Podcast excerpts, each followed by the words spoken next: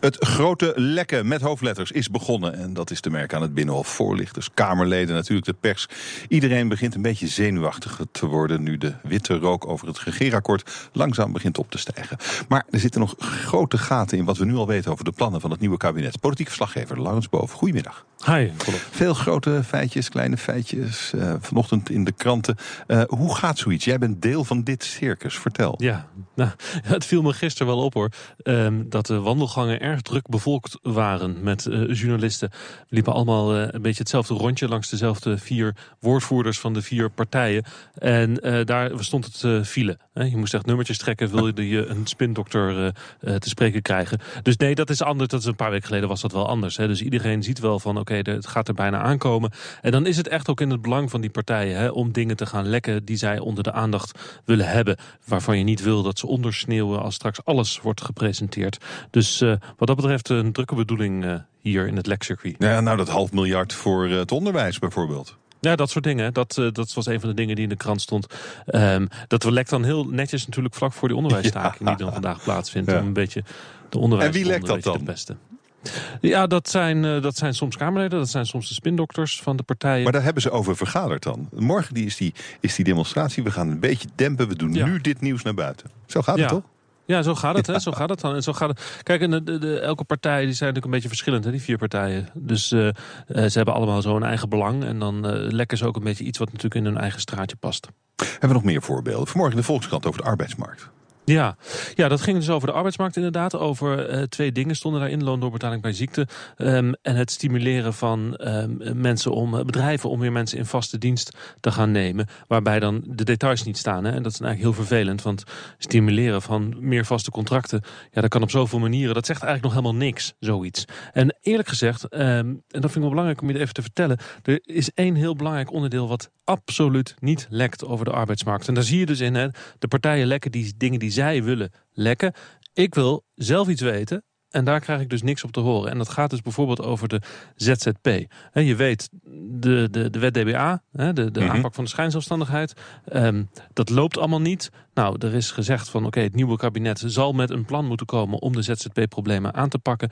En ik hoor daar vanuit de partijen helemaal niks over. Waar ik wel wat hoor, is uh, vanuit de polder, vanuit de werkgevers en de werknemers, over dit hele probleem. En wat ik daar opvang, dat is eigenlijk wel heel uh, teleurstellend. Over dat uh, er eigenlijk bijna niks in zal staan in het regeerakkoord over de aanpak van de problemen op de ZZP-markt. Dat dat niet veel verder zal gaan dan um, ja, we realiseren dat hier een probleem is en uh, we gaan er gaan werken om het op te lossen. Maar dat is al, als dat inderdaad dan de werkelijkheid wordt, dan is dat wel een enorme teleurstelling. Omdat natuurlijk eigenlijk gewoon iedereen in die sector zit te wachten op een mm. oplossing die er dus eigenlijk niet gaat komen. Ja, ik, ik zei aan het begin van ons gesprek, je maakt deel uit van dat circus. Dat is natuurlijk ook wel een beetje. En uh, mediajournalisten hebben natuurlijk daar uh, ook een hele belangrijke rol in. Misschien wel de hoofdrol. Uh, want al die partijen willen iets communiceren. Die journalisten schrijven het op. En die hebben net als jij waarschijnlijk ook heel veel vragen waar ze geen antwoord op krijgen. Ze krijgen een ja. brokje hier, een brokje daar, een brokje zus. Het is een mooi primeurtje. Boem, je scoort in de krant of op de televisie of de radio. En weer door naar de volgende dag. maar dan missen we toch eigenlijk, eigenlijk zijn we dan toch ook wel een soort van speel speelbal van al die spindokters. Uiteindelijk wel, uiteindelijk wel. En dat zie je dus op momenten zoals bij de ZZP, waar dat dan uh, eigenlijk erop lijkt dat het niet gaat lukken in het regeerakkoord, dan, um, dan, dan ze gaan de luiken in feite eigenlijk dicht op dit moment. Uh, en dan wordt daar dus niet over gelekt. Er wordt er dus ook geen uh, mededelingen over gedaan, ja, die dus um, waarschijnlijk wat tegenvallen voor de eigen achterbannen. Want je zou verwachten dat de Partij van de Arbeid zit niet aan tafel. Dan kunnen deze partijen, die allemaal anders denken over ZZP en over Flex, dan de Partij van de Arbeid daar dus een deal over sluiten. En dan gebeurt het bijvoorbeeld niet. Een ander ding wat ik uh, opving in de polder was bijvoorbeeld dat er een, uh, gewerkt wordt aan een arbeidsongeschiktheidsverzekering voor ondernemers. He, dat is een van de grote problemen mm -hmm. bij ZZP'ers, dat die onderverzekerd zijn. Dus uh, de risico's niet goed zijn afgedekt voor als je uh, ziek wordt en heb je geen inkomen meer. Nou, er is geen arbeidsongeschiktheidsverzekering voor zelfstandigen in Nederland. Um, en, en, wat daar een beetje de toon is, is dat het waarschijnlijk iets gaat worden als het creëren van een markt. He, zoals je bijvoorbeeld tegenwoordig ook een markt hebt voor um, zorgverzekeringen. Kan ik verwachten dat er een soort van voorstel komt om daar aan te gaan werken. Dus een, niet zozeer een verplichte arbeidsongeschiktheidsverzekering, maar wel het stimuleren van een markt voor die sector. En dat zijn misschien de dingen waar het wel om gaat, die wij nu dus eigenlijk niet horen, ja, van jou. Uh, maar we krijgen hier natuurlijk wel, we, krijgen een enorme output van al die journalisten aan het Binnenhof. En dat zijn dus eigenlijk allemaal de producten van de spindokters, van de Kamerleden, van de politieke partijen. Uh, en is dat nou, is er niet een andere vorm van journalistiek wenselijk, denkbaar, mogelijk? Wat denk jij? Kan dit ook anders? Jij probeert het. Nou ja, iedereen probeert het wel hoor. Um, alleen je, je, krijgt natuurlijk op een bepaald moment gewoon de antwoorden die je krijgt. En, en als je geen antwoorden krijgt, dan kan je het eigenlijk feite niet publiceren. Ja, een andere vorm van uh, journalistiek. Ik denk uiteindelijk een andere vorm van formatie. Dat heb ik wel eens vaker met je besproken, geloof ik. Dat uh, het eigenlijk uh, dit niet zo ontzettend werkt op deze manier. Dat je dus een, een acht, negen maanden gaat zitten vergaderen met een man of acht in een kamer. En het hele land maar laat wachten. en dus ook in de, in de problemen laat komen met deadlines over die ZZP. Die dus voor, voor halverwege volgend jaar weer afloopt. En niemand eigenlijk weet waar hij zich op moet gaan voorbereiden.